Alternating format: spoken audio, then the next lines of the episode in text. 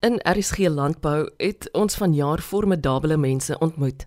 Boere wat op hul sterk, stil manier sorg vir ons nasie en risiko elke dag in die oë kyk. Daar's wysheid by die wat die grond bewerk en na aan die aarde leef. Direkteur van besigheidsontwikkeling en strategie by die Wes-Kaapse Departement van Landbou, Dr Dirk Troski, bevestig my oortuiging.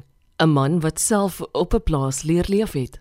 Kyk, Ek ek ek dink wat wat belangrik is, dit is dit is een ding wat ek saam met my gedra het van die plaas af. En dit is dat as jy as as jy 'n boer is of 'n boerseun is, raak jy groot met 'n uh, ek kan dit doen ingesteldheid. Met ander woorde, jy weet as daar as daar iets fout is, jy weet in, in met 'n draadtang en 'n stuk draad maak jy die trekker reg, jy weet en daar gaan jy en en jy gaan aan. En jy is letterlik die baas op jou eie plaas.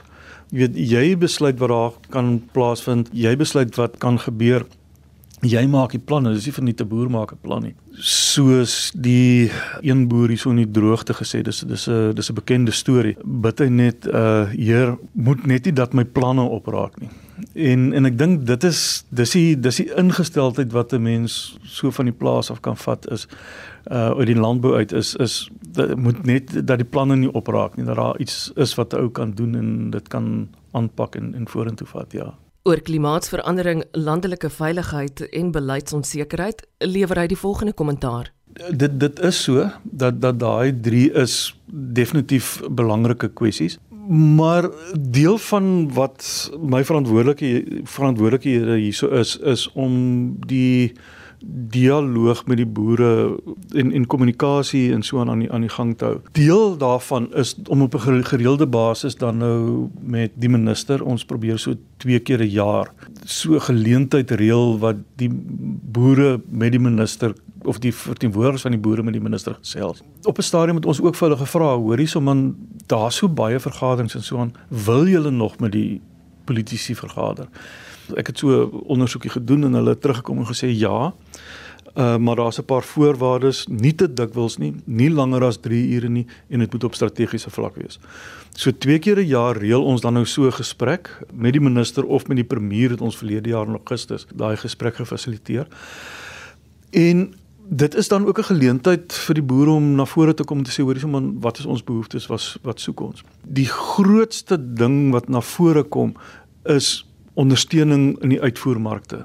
Jy weet om die uitvoere moontlik te maak, om die hawe reg te kry, daai soort van goed. Goed soos sekere politieke goed en grondhervorming en daai soort van goed is vir die meeste boere nie 'n kwessie nie. Jy weet dit is dit is die meeste boere aanvaar dit moet gebeur. Jy weet ons moet dit net laat gebeur en uit die pad uit kry en en dit is deel van die ekosisteem waar rondom mense werk. Maar ek ek dink om om dan terug te kom en en dis miskien waar beleidsonsekerheid inkom. Jy weet in in die sin van daai doelwitte wat gestel word rondom transformasie is nie noodwendig altyd dit verander met verloop van tyd. En in boerdery werk ons met as jy oor 10 jaar wil appels oes. Moet jy nou daai besluit neem en jy moet nou die grondvoorbereiding doen en jy moet nou jou boontjies bestel en jou besproeiingsstelsels insit om oor 10 jaar 'n voldrag te hê. En as daar in hierdie 10 jaar die beleidsomgewing totaal verander, jy weet dit is nie iets soos wat jy in 'n ander vervaardigingssektor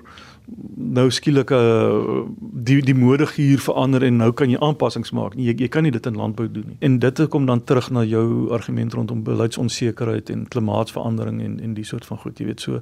Ja, dit is van die grootste uitdagings. Die geleentheid om boere te dien as staatsamptenaar het hom vele geleenthede gegee om eerstehands te beleef dat ons almal deel het in iets veel groter as onsself. Daar daar's baie. Ek ek in ek was geseënd geweest om by klomp goed betrokke te wees, jy weet. Ek ek ek was betrokke byvoorbeeld by die Rooibos GI en jy weet daai soort van goed. Maar weet jy wat wat vir my een van die mees helderste oomblikke wat ek nog het is eendag by die Beaufort Weskou. En die dag voor die Beaufort Weskou is is daar 'n ons beamptes daar 'n 'n klein boerskou gereël. Die dag sit het, sit ek daar op die paviljoen en ek sien hier soos ons beamptes, jy weet, daar sien ons almal sulke swart hempies gedra wat hierdie nuwe boere met hulle ondersteun en met hulle werk hulle hulle deur die skou sit en en hoe hulle goed organiseer en regkry en so aan. En dit was vir my een van een van die helderste oomblikke wat in my geheue ingeprent is. Is wow. Jy weet ek werk dan saam met 'n klomp knap ouens. Jy weet wat hierdie tipe van goed doen en soos ek net nou gesê het, jy weet wat absoluut daarop uit is om 'n verskil te maak in die boere van die Wes-Kaap se lewe, jy weet, uh, so da dit is dit dit is vir my die die groot dae. Ek was baie betrokke by Ebenezer in die gemeenskap daar, jy weet, en om om daar 'n verskil te maak en te kan sien hoe jy as as jy vandag op Ebenezer kom teenoor waar dit 10 jaar terug was. Ebenezer is die grootste landelike grondhuis in die Wes-Kaap provinsie en Dit's 'n lang storie, gesprek vir 'n ander dag, maar destyds uh en ek praat nou hierso van 1916 rond. As jy 'n uh, man was, jy was getroud en jy was ouer as 18 en jy het in die gemeenskap van Ebenezer gebly, dan kon jy 'n stukkie grond kry. Die die res van die grond is onteien, maar hierdie ouens het kon 'n stukkie grond kry en daar was 153 van hulle. So en elkeen het twee morg grond gekry so en en daar's 'n besproeiingsarea en so aan. In die laat 90er jare is daar toe nou 'n skikking gewees buite kan die hof, die grondeis, kommersiële boere is toe nou in die proses om uitgekoop te word. Daar het 'n paar dinge het verkeerd gegaan, maar dit soos ek sê, dis 'n gesprek vir 'n ander dag. Maar in 2007 het 'n afvaardiging van hierdie 153 waterpersele soos hulle dit daar noem, het toe nou na die destydse departementshoof toe gekom, Joanne Isaacs. En vir haar gesê, "Hoor hierso man, ons hoor van al hierdie ander goed, maar wat van ons 153 in die departement nie vir ons sekere goed doen nie." Daar is toe nou gesê, "Oké, okay, ons kan 'n paar goed doen. Een daarvan is om toe nou te gaan kyk na die hoe om daai watertuinpersele meer lewensvatbaar te kry." Ek was nou betrokke daarbey saam met van uh, my kollegas Marius Durant en Andre Cornelis en en, en Pieter De Lange.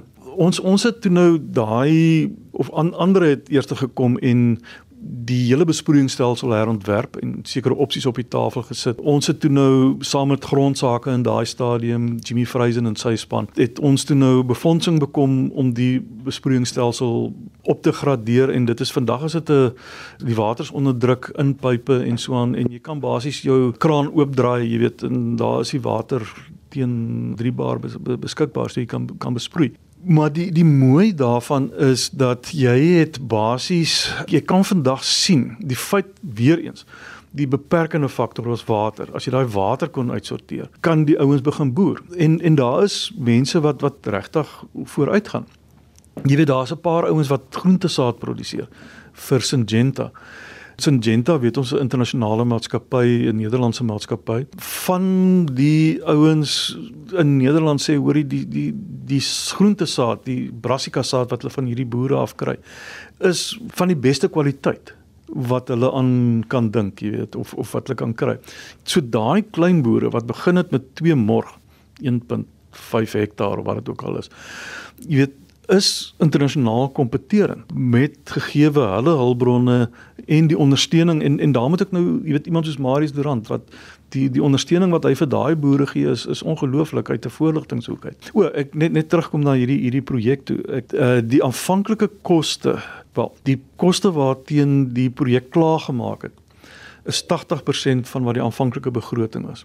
En mense kry, dit min in die staat. Jy weet dat 'n projek soos hierdie goedkoper inkom as wat dit aanvanklik voor begroot is. En dit is weer eens, jy weet dit is ons ouens wat daar is Pieter de Lange wat op daai projek basies vir 2 jaar dit sy tuiste gemaak het en en dit ondersteun het en seker gemaak het dat alles reg is. Ek dink daar is so baie van ons beamptes wat hulle kom nooit in die kalklig nie. Maar dit is die ouens wat werklik die verskil maak daaronder op die grondvlak. Die eindvletjie het vir 2023 geblaas. Landbou in Suid-Afrika het rede om 'n kampioenebeker omhoog te hou.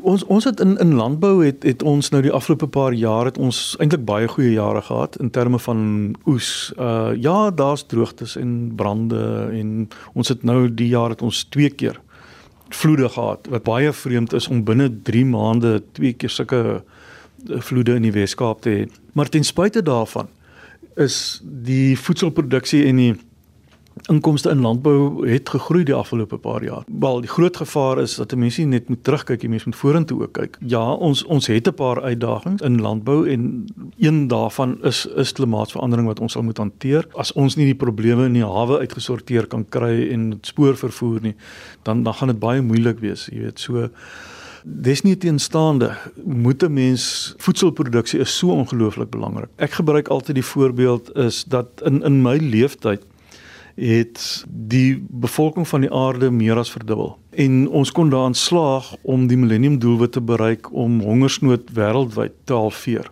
So ten spyte daarvan dat die bevolking so vinnig van die wêreld gegroei het, kon ons daarin slaag om hongersnood te halveer. Tegnologie het nie gaan stil staan nie. Tot tot 'n baie groot mate is daai groei wat plaasgevind het is is as gevolg van nuwe tegnologie wat uh, na vore kom. Vir ons een van die goed wat ons 'n paar keer al gevra het is wat moet ons doen met die nuwe tegnologie? Jy weet mense praat van die 4de industriële revolusie en daai soort van goed. En dan kom mense altyd terug na die probleem wat mense ja, maar wat van werksverliese? Jy weet, die ouens wat op die wiese plaas nou te klein is wat nie hierdie nuwe tegnologie kan inkorporeer nie. Well, dit is dit is so, maar dit skep ook 'n klomp nuwe geleenthede. Jy weet, en ons het nou in die departement die afgelope paar jaar klomp goed met hommeltuie en nuwe tegnologie en so aangedoen. En een van die goed wat vir my uitgestaan het is hoe klomp nuwe werksgeleenthede wat geskep word. Jy weet ek het ek het net verwys na Ebenaar Eser, die dam wat daar gebou is. Dit sou 'n ingenieur met 'n staaf en 'n theodolite, ek weet nie wat 'n theodolite in Afrikaans is. Sou dit omtrent sekere week gevat het om 2000 punte te merk. Ari het, het op 'n stadium daar met sy hommeltuig gevlieg en hy het binne 'n half dag het hy iets soos 3 miljoen punte daar kon hy plot. Onmiddellik skep dit nuwe geleenthede in terme van dataverwerking want om 3 miljoen punte te hanteer is heeltemal anders as om 2000 punte te hanteer en te plot en so aan. Dit skep 'n baie meer akkurate driedimensionele beeld as wat jy met die ou kontourlyne en daai soort van goed sou kon doen. So, jy skep nuwe geleenthede, jy jy skep nuwe beroepsmoontlikhede wat nooit in die verlede bestaan het nie. Jy weet en, en dit is hoekom ons deel van wat ons probeer doen is om vir jong mense, vir kinders die geleentheid te gee om te sê hoor hierso, kyk na ander kreatiewe loopbane. So dit is hoekom ons vroeër die jaar het ons die onderwysers van die landboufokusskole, daar's 31 landboufokusskole in die Wes-Kaap, hoekom ons hulle genooi het om te sê hoor hierso, kom kyk wat doen ons met ons hommeltuie en dan kan julle dit oordra in julle klas, jy weet, dis 'n module in die graad 11 kurrikulum van landbouwetenskappe is hommeltuig gebruik in landbou, jy weet, en kom ons kyk of ons dit interessanter kan maak vir die kinders en dat daar geleenthede is nie net om 'n hommeltuig te vlieg nie, maar dataverwerking, die onderhoud, jy weet, al daai soort van goed, veiligheid, alles wat daarmee saamgaan. Daar's nuwe hoogtes om in 2024 te bereik. Dankbaar is ek vir die voorreg om daaroor verslag te kan doen en om stories van hoop en inspirasie met jou te deel. Dr Dirk Troski is direkteur van besigheidsontwikkeling en strategie by die Wes-Kaapse Departement van Landbou. En daarmee wens ek jou en jou geliefdes 'n spesiale en betekenisvolle nuwe jaar. Ek is Eloise Pretorius. Totsiens.